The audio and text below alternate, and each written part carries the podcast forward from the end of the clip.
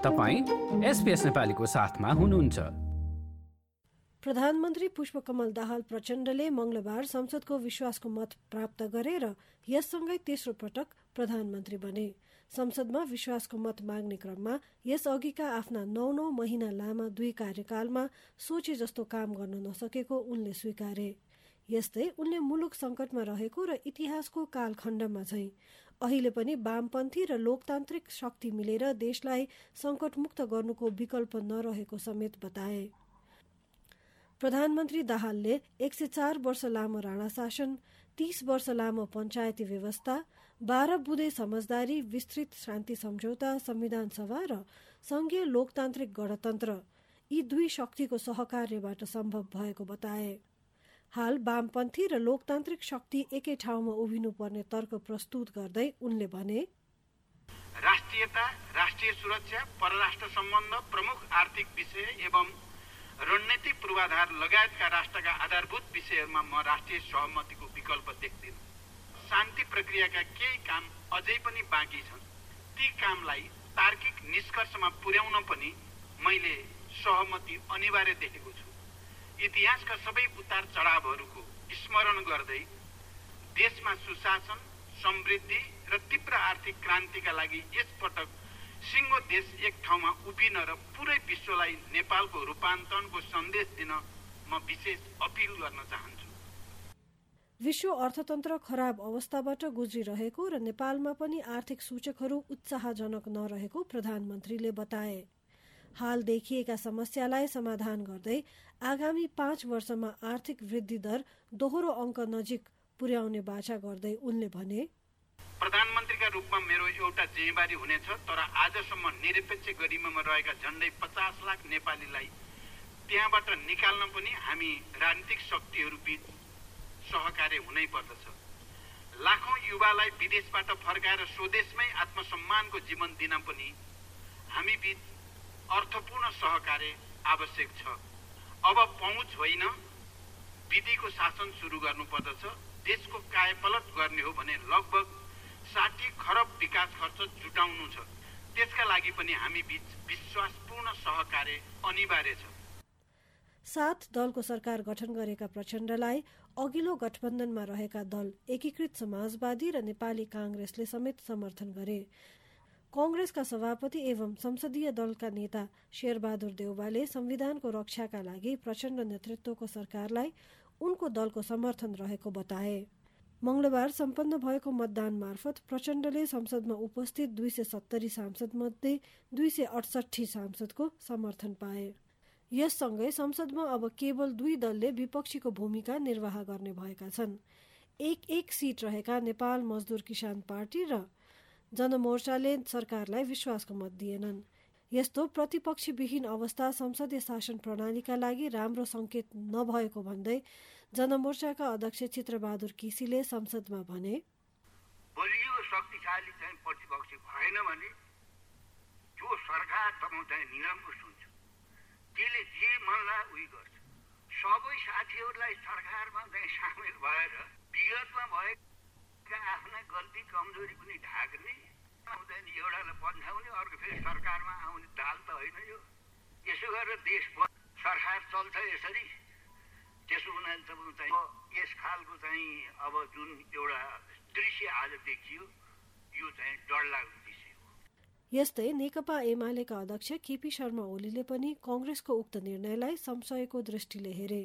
केही समय अघि मात्र प्रचण्ड नेतृत्वको सरकारलाई विश्वासको मत दिन संसदमा उपस्थित दलहरूलाई आग्रह गरेका ओलीले कङ्ग्रेसले पनि समर्थन दिएपछि यसमा कङ्ग्रेसको केही जालसाजी भए त्यो सफल नहुने बताए।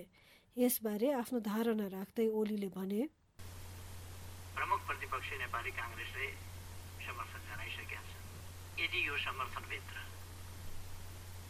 सदाशयता बाहेक अरू कुरा छैन यदि यो समर्थन कुनै जाल होइन भने यो समर्थन कुनै ढोक्सा होइन भने स्वागत योग्य छ ढोक्सा हो भने म भन्न चाहन्छु जाल हो भने म भन्न चाहन्छु माछा नभएको खोलामा फ्याँके जस्तै हुनेछ जाल केही यसभित्र भोलिका निम्ति अरू खालका कुराहरू सोचिएको छ भने ढोक्सा रित्तै हुनेछ किनभने त्यस खोलीबाट पानी त्यस पानीबाट त्यस खोल्सीबाट त्यो ढोक्सा थापेतिर कुनै माछा बग्नेवाला छैन। यसपटक संसदमा केही नयाँ दलहरू पनि आएका छन्। नवप्रवेशी दलका नेताहरूले संसदमा आफ्नो पार्टीको तर्फबाट सोमबार पहिलो पटक सम्बोधन गरे। त्यसमध्ये राष्ट्रिय स्वतन्त्र पार्टीका अध्यक्ष एवं गृहमन्त्री रवि लामिछानेले पनि संसदमा पहिलो सम्बोधन गरे। पुराना दलहरूप्रति जनताको वितृष्णाका कारण पार्टी गठन गरेको छ महिनाभित्र बीस सिटसहित संसदमा आफ्नो पार्टी प्रवेश गरेको भन्ने तर्कलाई लामिछानेले अस्वीकार गरे र जनताको जीवनमा परिवर्तन आउने गरी काम गर्ने उनले बताए। संसदमा पहिलो पटक प्रवेश गरेको जनमत पार्टीका नेताको सम्बोधनलाई पनि नेपाली राजनीतिका जानकारहरूले निकै अर्थपूर्ण रहेको बताएका छन्। जनमत पार्टीका अध्यक्ष सीके राउतले लोकतान्त्रिक व्यवस्थाकै कारण नयाँ पार्टीहरू संसदमा पुगेको बताए। यस्तै सरकारले बहुदलीय लोकतन्त्रलाई संरक्षण गर्नुपर्नेमा उनले जोड दिए र जनताका शिक्षा स्वास्थ्य र रोजगारीका आकांक्षा पूरा गर्न लाग्नुपर्ने बताए। संसदमा पहिलो पटक सम्बोधन गर्दाको अनुभव साट्दै उनले भने कुनै बेला मेरो नाम मात्रै लिन पनि निषेध गरिएको थियो। त्यो ठाउँमा आज आफै उभिएर बोल्न पाउँदाखेरि पक्कै पनि यसले एउटा नयाँ अनुभूति दिँदछ। र यो अवसर प्रदान गर्नका लागि म लोकतान्त्रिक व्यवस्था र जनताको अभिमतलाई सबभन्दा पहिला धन्यवाद दिन चाहन्छु। यस्तै नागरिक उन्मुक्ति पार्टीकी अध्यक्ष रञ्जिता श्रेष्ठले टिकापुर घटनाको न्याय निरूपणका लागि आग्रह गरिन्। हामी केवल टेक बहादुर मात्र होइन टिकापुर घटनामा शहादात प्राप्त गर्नुहुने शहीद एसएसपी लक्ष्मण नेउपाने इन्सपेक्टर दुई शहीद केशव बोहरा शहीद बलराम वष्ट सहित सबैप्रति उत्तिकै गम्भीर छौँ। म भन्छु प्रहरी परिवारले पनि न्याय पाउनुपर्छ।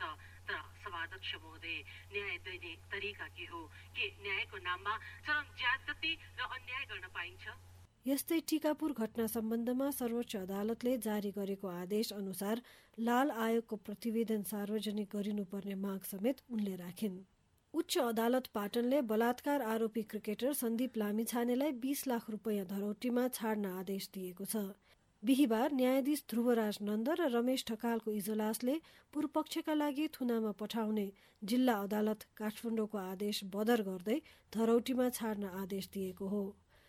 यससँगै लामिछाने शुक्रबार कारागारबाट बाहिरिए। तर लामिछानेलाई धरौटीमा छाड्न अदालतले पाँचवटा शर्त राखेको छ। ती शर्त उल्लङ्घन भएको अवस्थामा पूर्वपक्षका क्रममा धरौटी माग गर्ने आदेश स्वत निष्क्रिय हुने भनिएको छ। लामिछाने विरुद्धको मुद्दा जिल्ला अदालत काठमाडौँमा विचाराधीन छ। आदेशमा सन्दीपलाई विदेश जान रोक लगाउने गरी राहदानी रोक्का गर्न भनिएको छ। यस्तै पीडित र मुद्दाबारे कुनै सामग्री प्रकाशन गर्न वा विद्युतीय सार्वजनिक सञ्चार माध्यम र सामाजिक सञ्जालमा कुनै टिका टिप्पणी गर्न रोक लगाएको छ। उनलाई पीडितको परिवारसँग भौतिक वा अन्य कुनै प्रकारले सम्पर्क वा भेट गर्न बन्देज लगाइएको छ। अदालतले लामिछानेलाई उपत्यका छाड्न रोक लगाएको छ र छाड्नु परेमा जिल्ला प्रहरी परिसर काठमाडौँलाई लिखित जानकारी दिनुपर्ने भनिएको छ। शर्तहरूको प्रभावकारिताका लागि लामिछानेको गतिविधिमाथि निगरानी राख्न प्रहरीलाई निर्देशन दिइएको छ। अदालतले न्यायिक कारवाहीलाई शीघ्र टुङ्गोमा पुर्याउने जिकिर सहित न्याय प्रशासन सम्बन्धी अन्तर्निहित अधिकार प्रयोग गर्दै शर्तहरू राखिएको बताएको छ। अठहत्तर लाख रुपियाँ घुस लेनदेनमा अख्तियार दुरुपयोग अनुसन्धान आयोगका पूर्व आयुक्त राजनारायण पाठक र नेपाल इन्जिनियरिङ कलेजका तत्कालीन अध्यक्ष लम्बोदर नेउपानेलाई विशेष अदालतले दोषी ठहर गरेको छ। विशेष अदालतका अध्यक्ष श्रीकान्त पौडेल सदस्यहरू यमुना भट्टराई र बलभद्र बास्तोलाको इजलासले पाठकलाई तीन वर्ष तीन महिना कैद र उन्चास लाख जरिवाना तथा नेउपानेलाई तीन वर्ष कैद र उन्चास लाख रुपियाँ जरिवानाको फैसला गरेको छ। पाठकले सरकारी ओहदामा रहेर भ्रष्टाचार गरेका कारण उनलाई थप तीन महिना कैद सजाय ठहर भएको विशेष अदालतका प्रवक्ता दिपेन्द्रनाथ योगीले जानकारी दिए। नेपाल इन्जिनियरिङ कलेज विरुद्ध अख्तियारमा परेको उजुरीमाथि छानबिन रोक्न नेउपानेबाट पाठकलाई अठहत्तर लाख रुपियाँ घुस दिइएको भन्दै अख्तियारले पाठक र नेउपाने दुवै विरुद्ध भ्रष्टाचार मुद्दा दायर गरेको थियो। नेपाल राष्ट्र ब्याङ्कले नेपालमा बसेर विदेशमा जुनसुकै लगानी गरे कारवाही हुने चेतावनी दिएको छ। विदेशी विनिमय ऐन दुई हजार उन्नाइसको दफा दसले विदेशमा लगानी गर्न प्रतिबन्ध रोकेको स्मरण गराउँदै राष्ट्र ब्याङ्कले नेपालमा बसोबास गर्ने कसैलाई विदेशमा पनि कुनै पनि तरिकाले भुक्तानी दिने सम्बन्धी कार्य नगर्न र नगराउन सचेत गराएको छ। यसै साता एक सूचना जारी गर्दै राष्ट्र ब्याङ्कले भनेको छ विदेशमा लगानी हुने गरी घर जग्गा खरिद गर्ने सम्पत्ति खरिद गर्ने वा विदेशी ब्याङ्क तथा वित्तीय संस्थाबाट निक्षेप जम्मा गर्ने लगायतका पुँजीगत प्रकृतिका कारोबार गर्ने गरेको पाइएमा कानुन बमोजिम कारवाही हुनेछ। लाइक र कमेन्ट गर्नुहोस्। नेपालीलाई फेसबुकमा साथ दिनुहोस्।